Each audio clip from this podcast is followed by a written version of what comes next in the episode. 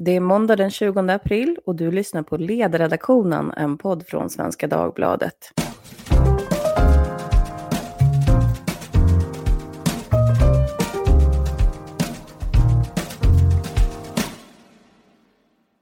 Jag heter Lydia Wåhlsten och idag ska vi prata om vilken effekt coronakrisen har på grannsämjan inom den Europeiska unionen. Det saknades ju inte problem innan krisen. Vi hade både Brexit och det stora budgethål som skulle täckas efter deras exit, för att inte tala om migrationsfrågan. Frankrikes president Emmanuel Macron har sagt att coronakrisen är en existentiell kris för unionen. Men när tidigare handelskommissionär Cecilia Malmström intervjuas, då brukar ju hon mena att EU tvärtom brukar bli starkare av kriser. Det är det vi lär oss av historien. Så frågan för dagen är om det är annorlunda den här gången. Och det ska vi prata om. Med mig har jag faktiskt Elvis, som Ylva Nilsson kallas. En av Sveriges absolut mest erfarna Brysselkorrespondenter. Välkommen! Tack så mycket! Här sitter också Susanna Kierkegaard, frilansskribent som är specialiserad på EU-frågor och också har ett förflutet på koncernkollegan Aftonbladets ledarsida. Hej! Sist men inte minst Emanuel Örtengren som bland annat sysslar med Europapolitik på tankesmedjan Timbro. Ja, min första fråga, eh, den låter så här. Tror ni att EU-samarbetet kommer att stärkas av coronapandemin? Och det är en sån här ja eller nej-fråga. Och som bakgrund till det tänkte jag på att EU-kommissionens tidigare ordförande Jacques Delors, han har menat att bristen på solidaritet innebär en dödsfara för unionen. Så vad säger Ylva? Och jag måste svara ja eller nej. Um, jag, jag blir tvungen att säga ja, men jag är inte säker på att jag tror det faktiskt.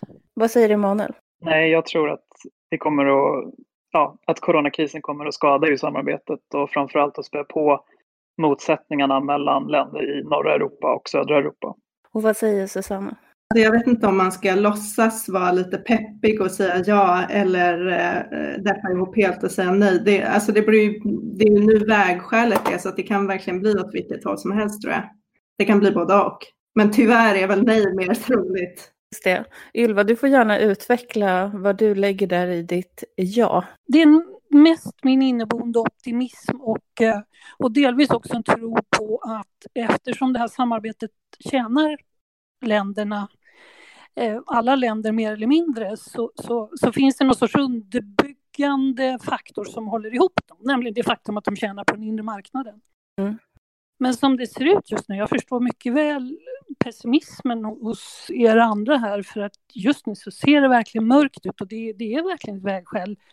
Eh, vi, vilken väg vi, vi, väljer nu beror på om det är i början på slutet känns det faktiskt. Emanuel, du är lite mer kritisk. Vad är det du har sett hittills som gör dig orolig? Det är framförallt att man har det är väldigt stora skillnader mellan länder som Nederländerna och Italien i synen på hur man ska hantera den här krisen eller snarare ska man säga efter, eh, efterspelet av krisen ekonomiskt. Där eh, Italien vill att eh, andra europeiska länder ska ställa upp och eh, ja, bidra med, med stora, eh, stora lån eller bidrag och Nederländerna med också uppbackning från Finland, eh, Tyskland eh, till viss del eh, och Österrike säger nej. Eh, och det är ju skiljelinjer som vi har sett i EU tidigare. De såg vi under finanskrisen för tio år sedan också.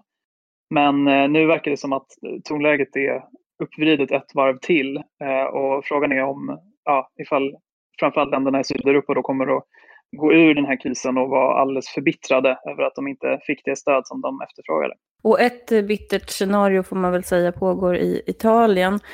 Och där, det handlar ju då om att både Kina och Ryssland var väldigt snabba med att erbjuda sjukvårdsmaterial tidigt i krisen samtidigt som många andra EU-länder då anammade en mer America First-politik. Och vissa hade till och med exportförbud på sitt sjukvårdsmaterial. Ylva, kan du berätta kort vad det är som har hänt i just Italien? Ja, som alla vet så fick ju Italien tog ju smällen först av coronan. Eh, det hamnade i norra Italien som är den rikare delen av Italien och det var väl tur. Eh, men vad som hände sen var ju naturligtvis att andra länder som Tyskland och Frankrike snabbt stängde sina gränser och som du sa införde exportförbud av sjukvårdsutrustning. Eh, och, och lämnade Italien i sticket naturligtvis. Och till råga på det så håller man ett toppmöte, man diskuterar de här sakerna. Italien säger att ja, efter krisen så vill inte vi stå ensamma som Grekland och behöva tigga om lån och, och ställ, behöva ställa upp på era villkor, utan nu måste det vara, nu gör vi det här alla tillsammans. Och på det så fick man svaret från Tyskland och från Holland, aldrig i livet, det där får ni klara er själva, ni får, ni får skylla er själva helt enkelt att inte ni har samlat pengar i ladorna. Eh, och resultatet av det, det har fullständigt exploderat i, Italien. Det finns en ilska som är, som är smått obegriplig faktiskt. Um, vi har sett EU-kommissionens ordförande komma ut och försöka be om ursäkt efteråt och, och de ord man använder om henne när hon eh, vill be Italien om ursäkt, de ska vi inte upprepa för det är otroligt bittert och det är besviket och det är, ja, det är starka känslor nu. Intressant. Jag såg också att det hade gjorts en undersökning då 12-13 mars. Och då var det 88 procent av italienarna som kände att Europa misslyckades med att stötta dem. Och det var nästan 70 procent som såg EU-medlemskapet som en disadvantage. Eh, eh, så att de siffrorna är ju väldigt höga för ett land som ändå var med och grundade den här unionen en gång i tiden. Men eh, som du säger så har ju Ursula von der Leyen gått ut och sagt att eh, Italien, vi ber er om ursäkt, hela Europa ber er om ursäkt. Men kommer man acceptera den här ursäkten? Vad tror Emanuel? Ja, det, det återstår väl att, att se. Eh, och det beror ju också lite på vilka italienska politiker som får ja, hålla i taktpinnen så här efter krisen. Om det blir eh, eh, Salvini eh, och hans parti så är nog svaret nej. Eh, annars så, ja, så, så, får vi se. Det, det är lite för tidigt att säga det ännu. För man får väl ändå säga att man har ju stöttat Italien med tiden då, även flugit över patienter och sådär till grannländerna. Susanna, hur ser du på det där? jag skulle säga att jag tror att man måste verkligen komma ihåg hur det gick till i förra krisen och försöka lära sig av misstagen som gjordes då. Eh, och en av sakerna då är ju att inte snåla för mycket i början för att det blir helt enkelt dyrare i längden. Alltså att Tyskland skulle inte ha varit så hårda som de var mot Grekland i början av krisen. Eh, för då hade man kunnat ta sig ur det snabbare. Det blev ju otroligt utdraget istället. Eh, sen så tror jag också att vi ska med oss att en ny fara som finns nu som har liksom uppstått sedan den förra krisen är att eh, en massa högerpopulistiska partier har vuxit. Vi har haft en flyktingkris som bara den eh, liksom väckte väldigt mycket splittring inom Europa. Eh, så att man riskerar mycket mer om man agerar på samma sätt som i eurokrisen om man gör det nu. Intressant. Håller du med om det där Ylva? Ja, för att eh, finanskrisen, precis som Susanna säger, den bara läggs på. Alltså, den italienska bitterheten över det, plus hur EU inte har hjälpt till med migranterna under de senaste 10-15 åren, läggs också på. Men eh, då tycker jag lite intressant att nu går Frankrike in. Du talade om Macron tidigare och hans plan. Nu försöker de gå in som kompromissmakare och hitta en lösning som kan ge Italien och, och Spanien och andra hårt drabbade av corona en, eh, ett stöd för den här lågkonjunkturen som vi vet kommer nu efteråt. Eh, och jag tyckte det var roligt för att eh, Frankrikes finansminister gav en intervju till, till mig och till ytterligare fyra journalister som alla kommer från länderna, eh, även kallat snålbrigaden i Bryssel. Eh, I torsdags då och berättade om den här planen och, och då är det väldigt intressant för han lägger då argumenten som han förväntar sig att vi i snålbrigaden ska förstå. Eh, han får frågan då varför skulle vi vilja hjälpa Italien som inte har samlat i ladorna nu när de då står liksom illa rustade inför nästa kris som vi vet trillar över oss när som helst. Och då säger han därför att det ligger i ert intresse. Och han säger då att det som står på spel nu är inte bara Italien, det är inte bara eurokrisen, utan det är den inre marknaden. Eh, om vi inte får igång större delen av Europa samtidigt i den här återhämtningen, då kommer inte norra Europa heller komma igång ordentligt. Alltså om Italien och Spanien befinner sig i en djup lågkonjunktur, om en massa av deras industrier som ju levererar reservdelar och, och liksom, vad det nu heter, insatsvaror upp till oss i norr, om de inte kommer igång därför att de har förlorat sin personal eller företagen har gått omkull så kommer det ta mycket längre för oss att komma igång. Och sen är de naturligtvis våra kunder, om vi inte kan sälja till dem därför att de är lågkonjunktur, ja då sitter vi där med våra varor. Så hans budskap till oss är, det ligger i ert intresse att se till att hela EU kommer igång liksom på, på, på, på en jämn eh, bana. Så det tycker jag, det kan man ju fundera på som svensk. Förlorar vi på att inte ställa upp för italienarna nu, själva alltså? Samtidigt kan man kanske anlägga ett, ett moderat argument där, så här, att man måste spara ladorna, för vi vet inte heller riktigt hur utdragen den här krisen är. Men jag tänkte fråga dig, Emanuel, du har ju varit bevakat mycket då Macrons stora ambitioner som han har för Europa och vilken roll han ska spela i den här nya, på den här nya planhalvan. Och han har ju gjort då en stor intervju i Financial Times som jag vet att både du och Susanna har kikat på. Men vad är hans ambition här? Han har ju ett par mål som han har föresatt sig och eh, man kan väl säga att han har egentligen inte, det är inga nya idéer han för fram. Det här var saker han ville innan coronakrisen också. Men det, det rör sig framförallt om att han vill att man ska ha då eh, mer, gemensamma, mer gemensam finanspolitik eh, inom eurozonen. Och det, en del av det består ju av de här coronaobligationerna som eh, Italien då har pratat om att man ska ha gemensamma skuldinstrument. Attention, franske finansministern är benhård på att det inte är coronaobligationer han pratar om. Det är en återhämtningsfond. Nej, men det, men det är ett, nej precis, det behöver inte vara, men det är ett exempel på eh, en liksom mer koordinerad finanspolitik. Och sen så behöver inte det vara just coronaobligationer, men det skulle kunna vara eh, en, en, ett möjligt sätt att koordinera de länderna i eurozonen mer, även på finanspolitiska området. De har ju idag gemensam penningpolitik då, genom Europeiska centralbanken. Sen ett annat mål som Macron har, det är ju att öka det som han kallar för Europas strategiska autonomi. Alltså att man är en självständig aktör även på, inom säkerhetspolitiken. Och det grundar han ju i att han tycker att eh, amerikanerna har minskat sitt åtagande till NATO under Trump-administrationen. Eh, och det finns det ju vissa tecken på. Eh, det finns, finns också tecken på motsatsen. Till exempel att USA har förlagt fler soldater än tidigare i Östeuropa. Och sen det tredje som Macron, och det kanske är mer direkt kopplat till eh, den här krisen, men det tredje målet som Macron och hans stab har, det är att eh, ge EU utökade befogenheter inom just hälso och sjukvård så att man skulle kunna ha eh, bättre respons på sådana här liknande kriser i framtiden. Eh, men de här första två målen, de, alltså en mer, mer gemensam finanspolitik i eurozonen och eh, mer strategisk autonomi, det eh, är gamla idéer som Macron nu serverar i ny förpackning. Mm. Jag tänkte att vi ska göra två utstickare från det här, får man säga, realpolitiska spåret och prata lite mer om metatrender då. En sån sak är nationalismen och många har ju oroat sig för att den kommer växa nu, apropå det här America First-tänket. Och eh, om man tittar på siffrorna så har ju till exempel högerextrema Salvini i Italien fallit ganska dramatiskt i opinionen efter krisen. Och det här ser man ju på flera håll att folk sluter upp bakom sina ledare som då är lugna och trygga och kanske säkra kort. Eh, kan man säga så eller handlar det snarare om att man flockar sig till de som för tillfället har makten för att man söker stabilitet? Jag tror att det handlar om var man uppfattar att krisen kommer ifrån. Just nu med viruset så uppfattar man att den kommer utifrån och då är det trygga att förlita sig på regeringen. Eh, Medan i en efterföljande finanskris eller ekonomisk kris så tror jag att det kommer se helt annorlunda ut. Då kommer folk leta efter syndabockar och då finns de främlingsfientliga och högerpopulistiska partierna nära till hands, tyvärr. Håller ni andra med om det? Jag tror nästan alla varnar för att, att populismen kommer få jättemycket fart nu eh, när eh, lågkonjunkturen kommer över oss här efter pandemin.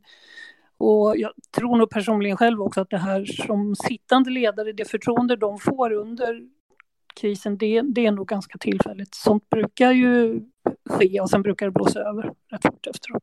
Ja, jag, jag, får vara lite motvalls här. Då. Jag, jag tror absolut att eh, den här boosten, eh, enorma boosten i vissa fall som man ser i förtroendesiffror bland sittande regeringschefer, det kanske kommer att gå förbi så småningom. Det finns ju klassiska exempel på det som att Winston Churchill ledde Storbritannien genom andra världskriget och till seger och sen bara för att förlora valet därpå.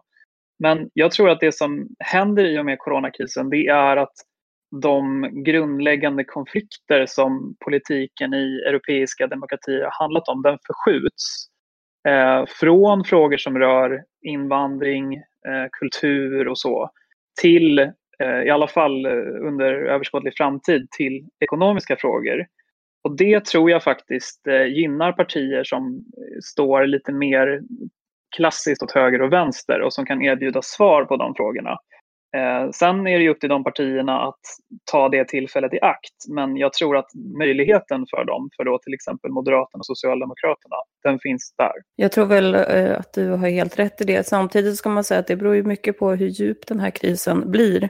Om vi går uppemot en situation i Sverige då till exempel att vi har en, en och en halv miljon arbetslösa så är ju det en situation då som liknar 30-talet kanske, om ens det. Och det är ju en ny politisk situation som vi inte känner till. Så att även om det initialt kan stärka de här stora partierna som har ett track record så kan vi hamna in, i en helt ny politisk situation. Så tänker jag i alla fall. Men min andra utstickare, det handlar ju om Ungern. Idag på Aftonbladets debattsida så går 80 debattörer ut, bland annat Carl Bildt och Cecilia Malmström, och kräver hårdare sanktioner mot Ungern för att Orbán då har inskränkt vissa rättigheter på obestämd tid. Han ska vara känd då för att verkligen hitta de här tillfällena när man kan göra det. Ehm, min fråga där är väl om det finns något problem med att EU just nu ska säga åt Ungern att de går i odemokratisk riktning när många andra länder har genomfört liknande maktförskjutning till regeringarna? Jag skulle säga ja på den frågan därför att det Ungern har använt det här till det är så grovt så att det, det sticker i ögonen. Och det är ju det att de har använt de här krafterna till att förbjuda eh, transpersoner, till att ta ifrån Eh, politiska partier deras eh, partikassor till 50 procent eh, till att eh, anslå en tomt i centrala Budapest till Orbans favoritprojekt. Det vill säga, Orban använder det här till sig och sina polare och inte till eh, pandemin alls. Det, det, det, är så slående så att det gör ont när man tittar på vad han använder sina krafter till just nu. Kan EU hålla fokus på Ungern samtidigt som man har den här pandemin eller kommer de att komma undan, Emanuel? Ungern kommer nog tyvärr att komma undan därför att EU har helt enkelt inte de juridiska verktyg som, som skulle krävas för att på allvar sanktionera Ungern. Och det beror på att tekniskt sett så kan det ungerska parlamentet fortfarande upphäva det här undantagstillståndet. Men eftersom Fidesz, Viktor Orbáns parti, har eh, jag tror till och med två tredjedels majoritet i det ungerska parlamentet så är det ganska osannolikt.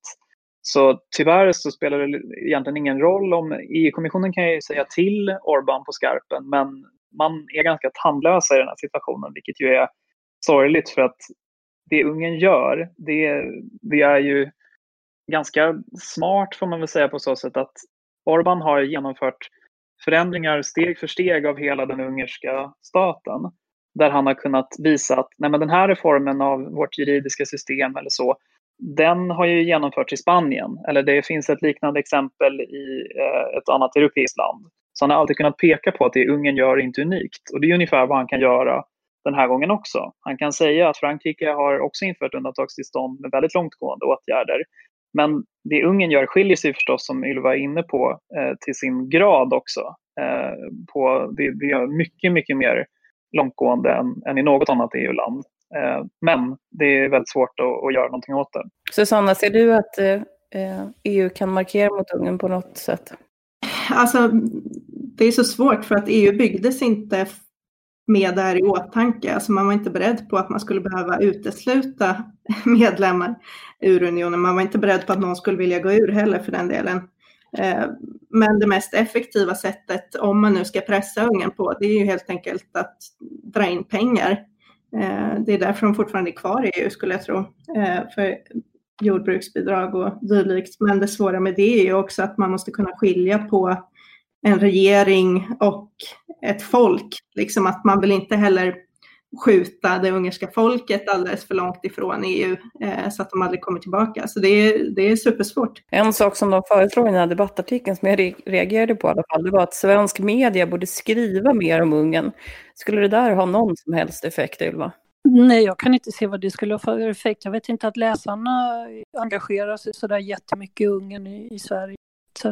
Det, jag blev jätteförvånad när jag såg det lilla tillägget. Jag hade velat att de ströp lite mer pengar åt dem för att de här, den här stora coronafonden som EU-kommissionen delade ut så fick ju Ungern fem gånger mer än Italien. Vad baseras det på då? Ja, det baserar, man använder som nyckel för fördelningen eh, den nyckel man använder för regionalpolitiska fonder. Och där har ju Ungern länge varit ett, ett av de fattigare länderna och därför rätt till mycket pengar. Så Polen och Ungern fick jättemycket ur den här fonden. Italien och Spanien fick ganska lite eftersom de inte är regionalpolitiska mottagare i samma utsträckning. Och att använda sig av den nyckeln, det är ju så korkat så att jag menar, håret trillar ju av när man hör det. Om man ville reta italienarna så var det en väldigt bra nyckel att använda kan jag säga. Ja, det kan inte ha varit poängen i alla fall, så det är lite konstigt. Det gick väldigt fort och de tänkte sig väl inte för får man tro när de, när de liksom hyste iväg det där.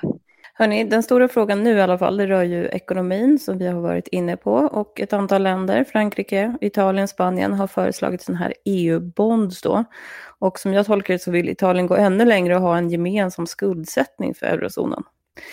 Ehm, länder som Tyskland, Österrike, Nederländerna håller emot. Men vad skulle de här eurobonden innebära för något? Det skulle innebära precis det du sa, att man gemensamt ansvarar för skulden. Eh, det vill säga att inget av länderna skulle behöva stoppa in pengar egentligen. Eh, utan, men man skulle gemensamt bära ansvaret för om någon part inte betalar tillbaka sin del. Och för Italien skulle det betyda att när lågkonjunkturen kommer och eh, de behöver börja låna upp för att klara sig igenom den, så ska inte de behöva tävla med Tyskland och Holland om lån på marknaden. För i den tävlingen så får de betala mycket mer än Tyskland och Holland. Och de börjar då återigen med, med liksom, eh, en, en nackdel och det är det de vill slippa. Emanuel, du jobbar ju på en liberal tankesmedja och här står ju två ideal verkligen mot varandra. Det ena är att bära ansvaret för sitt eget beteende och det andra är att hålla ihop den union som är oerhört viktig för den interna marknaden. Så vad tycker du om det här med eurobonds? Ja, jag, jag, jag vet inte vad jag tycker om jag ska vara helt ärlig. Eh, jag tycker å ena sidan att eh, att Italien nu har en väldigt hög skuld och att, de, eh, att det blir dyrare för dem att låna på marknaden, det är en konsekvens av att Italien under lång tid har liksom ställt, att italienska regeringar har ställt ut löften som de inte har kunnat hålla. Men samtidigt så är den här krisen annorlunda än, än finanskrisen 2008-2009 så tillvida att det inte är en man brukar prata om symmetriska och asymmetriska ekonomiska kriser. Eh, och en asymmetrisk eh, kris var ju den som EU upplevde för ungefär ja, tio år sedan. Då, när det är ett par länder som är problemhärdar och sen så drabbar det alla andra. Men coronaviruset är inte, det är inte någons fel på samma sätt. Och som Ylva har varit inne på innan så är ju EUs länder beroende av varandra genom den inre marknaden. Och om inte italienska underleverantörer kan leverera till tyska bilföretag eller svenska för den delen så, så riskerar ju det där också att, eh, ja, att bli eh, flaskhalsar i ekonomin. Så jag vet inte, helt ärligt. Jag har inte satt mig in tillräckligt mycket för att kunna dra någon slutsats. Men, men att det är, annorlunda, det är annorlunda än finanskrisen, så är, så är det helt klart. Sanna är en av dem som har satt sig in och eh, fattat ett beslut. Och jag tolkar att du är kritisk till det här. Varför? Jag tror att det skulle ta för lång tid. Jag tror att det är bättre att använda de systemen som man redan har, eh, i, eh, i alla fall i eh, eurounionen, mer än europeiska stabilitetsmekanismer. Så. Men jag tror apropå, om man ska dra in ännu fler ekonomiska termer, apropå det här med ansvaret för eget beteende, så får man ändå ha med sig att i den här krisen så är det ingen som riktigt har gjort någonting fel, eller alla har gjort lika mycket fel, alltså alla var lika oförberedda på en pandemi. Det finns alltså ingen, eh, som man brukar säga i ekonomin, moral hazard, alltså att man belönar ett dåligt beteende eller ett oansvarigt beteende ifall man skulle ge eh, lån till de länder som har drabbats eh, på samma sätt som det kanske fanns i eurokrisen.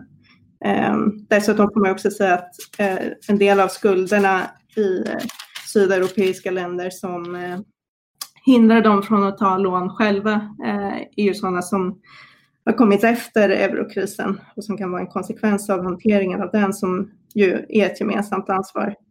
Eh, och man får också säga å andra sidan liksom att... Men du tycker att Italien ska bära ansvar för att de har haft så liten buffert?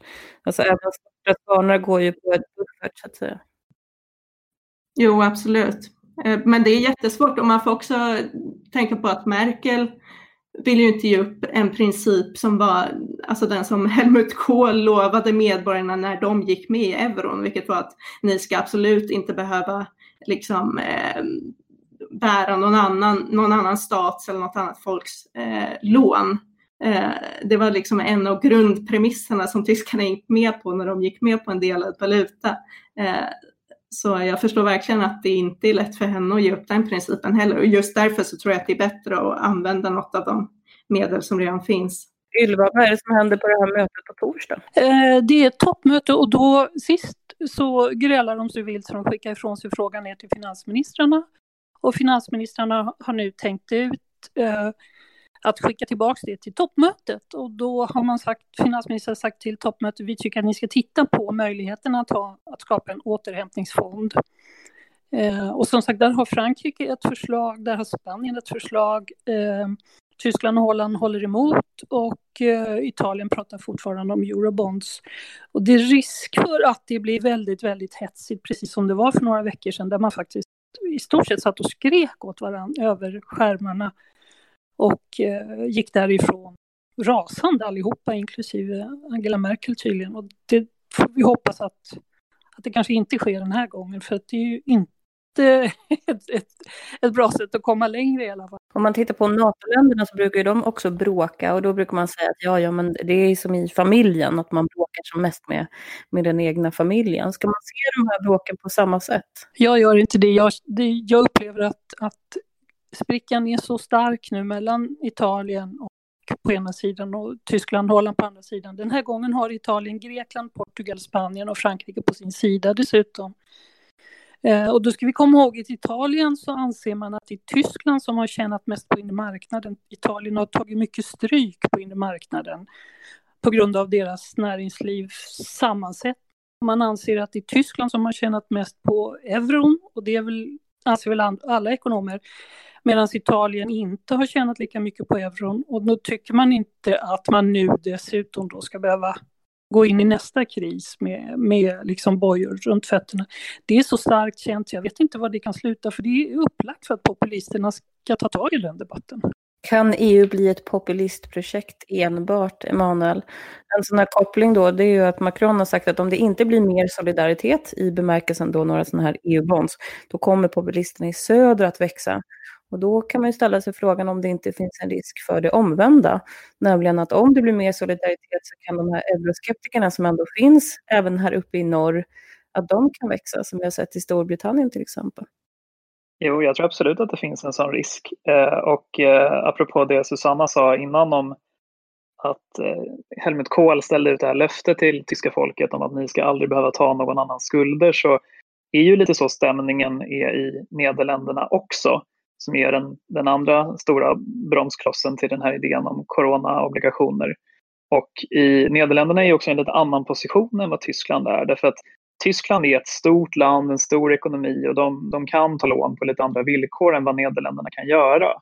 Och om Nederländerna plötsligt blir tyngda med eh, italienska skulder och Italien är en mycket större ekonomi än vad Nederländerna är, då kan ju de dras ner med det.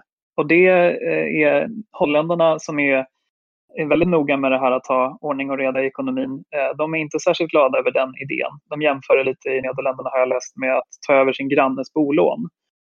Och eh, jag tror absolut att det finns en risk att i, i de länderna att man, man ser det som att EU utvecklas till en bidragsunion och det är någonting man absolut inte vill. Så det är, det är en balans här mellan ett Nordeuropa som, ja, som vill, vill en sak som vill eh, att länderna ska ta ansvar själva för sin ekonomi och ett Sydeuropa som ser, ser sig självt i, i akut kris och i jättestort behov av hjälp. Och med det så behöver vi börja avrunda, men jag har två frågor kvar som är lite sådär framåtvisionära.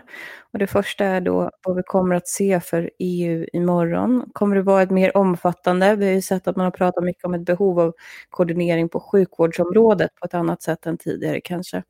Eller kommer vi se en återgång till mer fokus på kärnuppgifter? Ett tredje alternativ är ju helt enkelt att unionen på något sätt då faller samman. Men frågan är om faller samman och fokus på kärnuppgifter, om det kan gå hand i hand. Vad säger Ylva? Vad ser du för EU framför dig? Jag tror inte på ett EU som, som på något vis eh, enbart gör kärnuppgifter. Det tror jag är samma sak som att EU faller eh, Jag tror att EU kanske biter ihop och blir mer federalt efter den här krisen, trots allt. Ja, Susanne? Jag håller nog med Ylva, men jag tror att det kommer fortsätta vara som vanligt i den bemärkelsen att alla kommer dra åt olika håll, precis som de gör nu. Så det kommer bli en riktig strid, kan man säga. Ser du framför dig att några länder kommer vilja lämna här framöver?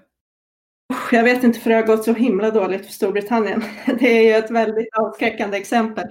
Eh, så jag tror faktiskt att de är mindre benägna att lämna nu än vad de var innan Brexit. Storbritannien tog en kula för laget, Emanuel. Ja, det verkar så. Jag tror att EU kommer att... Eh, alltså att ta på sig helt nya områden är ju ingenting som EU kan göra utan en fördragsförändring. Och det ser inte jag framför mig under överskådlig framtid. Och eh, möjligen att det blir mer samordning inom hälso och sjukvård, men annars så tror jag att i och med den här krisen, liksom i vissa tidigare kriser, så blir det mer av något slags muddling through med eh, typiska EU-kompromisser där ingen är helt nöjd, men alla har någonting som de kan ta hem till sina huvudstäder och visa upp sig själva som vinnare. Eh, så det, det, det, jag lutar väl åt någonstans mellan de här extremerna om ett federalt Europa och eh, en, eh, en total kollaps. Det blir nog ja, ungefär, ungefär som det är idag, fast eh, möjligen lite mer, mer på hälso och sjukvårdssidan. Då. Ett antiklimax. Om man tänker på det här med den sociala pelaren då och hur coronakrisen kommer påverka införandet av den. Kan man säga att coronakrisen har räddat Socialdemokraterna från sig själva?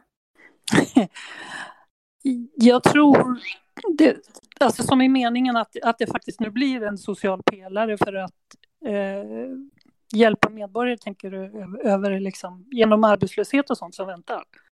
Ja, eller tvärtom att det inte blir. Du tänkte tvärtom att det inte blir. Har jag tänkt att nu måste det nog ändå förstärkas alla de här tankarna om någon sorts arbetslöshetsförsäkring och så vidare på Europanivå för att eh, dela den sociala bördan. Tror ni inte att, att Tyskland skulle ha lättare att leva med det än, än någonting annat? Jag föreställer mig det. Jag tror att sociala pelaren eller någon form av den blir troligare nu. Det verkar ju som att eh, en del av det här krispaketet på 5 400 miljarder kronor som EUs finansministrar eh, enades om för någon vecka sedan innehöll just en, en fond då till, eh, till permitteringar, ungefär som vi, vi har i Sverige. Eh, så på så sätt så kommer nog eh, samarbetet på, på det här området att öka framöver. Mm, intressant. Susanna? Jag tror, alltså Macron sa ju i den här jättelånga intervjun med Financial Times mm som gjordes nyligen eh, att den här krisen har verkligen visat att vi faktiskt prioriterar människan högst och den har satt människan i mitten igen och vi har liksom stängt ner hela Europas ekonomi för människans skull. Eh, så i den riktningen så tror jag verkligen att sociala pelaren kommer fortsätta som båda, både Emanuel och Ylva har sagt. Det var fascinerande. Om det är någon av er som lyssnar som vill se en politiker som är otroligt engagerad och förmodligen bränner 4 000 kalorier bara på att vara sig själv, så kan man se den här intervjun med Macron där han nästan lyfter från stolen över sitt otroliga entusiasm över vad coronakrisen har för möjligheter. Bland annat tror han inte att det kommer påverka klimatarbetet negativt. Och det var ju intressant när vi ser att det är många investerare som drar sig ur de här projekten då för att de bedöms som kanske mer riskfyllda. Så det kan man titta på. Min sista fråga för dagen är vad ni håller koll på nu framåt för att se vart vinden blåser någonstans. Ylva, är det torsdagen som står i fokus? Ja, det är det absolut. Och jag är faktiskt seriöst oroad för den inre marknaden, för den protektionism som, som släpptes in så himla lätt när corona nedstängda gränser och nu ska vi tillverka eh, hemma i vårt eget land och, och begränsa liksom, tillgång till livsmedel och allt möjligt sånt där. Så det, det är väldigt, eh, det kommer jag följa hur det utvecklar sig. Det känns som ett bakslag för den inre marknaden, hela den debatten som pågår. Susanna? Jag skulle säga följ pengarna och se vilka nya pengar som kommer fram och som vi pratade innan om hur de fördelas, för det tror jag kommer påverka den politiska inställningen hos väldigt många regeringar framöver. Så om eh, Italien får igenom den här eurobondsen, då tror du att det kan gjuta olja på vågorna eller? Vi får se, jag, på vissa vågor, men det kan nog slå upp nya vågor också. Emanuel, då får du avsluta idag med en appell för vart vinden blåser och vad våra lyssnare ska hålla utkik efter. Jag håller koll på min namne Emmanuel Macron. Han är den europeiska ledare som upplever jag har dels starkast mandat eh, just nu i och med att till exempel Angela Merkel är på väg ut och han är den som tänker mest strategiskt kring vad han vill med EU-samarbetet. Och jag kan säga, jag håller verkligen inte med om allting. Eh, jag tycker att han är mer protektionistisk och jag tycker, än, än vad jag är i alla fall. Och jag tycker att eh, det var väldigt magstarkt av honom att tala om solidaritet när Frankrike var ett av de första länderna att införa sådana här exportrestriktioner på den inre marknaden. Eh, men oavsett om man tycker om hans idéer eller inte så driver han andra länder i sin riktning. Och om, inte, om Sverige inte vill dra sig i hans riktning då måste vi veta vad han gör och vad Frankrike gör och komma med egna idéer. För det räcker inte att bara sitta på sidlinjen och klaga. Och med det så får jag säga stort tack till dagens panel. Ylva Nilsson, EU-korrespondent, frilansskribenten Susanna Kierkegaard och Emanuel Örtengren från Timbro. Om ni har frågor om dagens podd eller tips på ämnen så ska ni höra av er som vanligt på ledarsidan svd.se. Tack hörni för idag.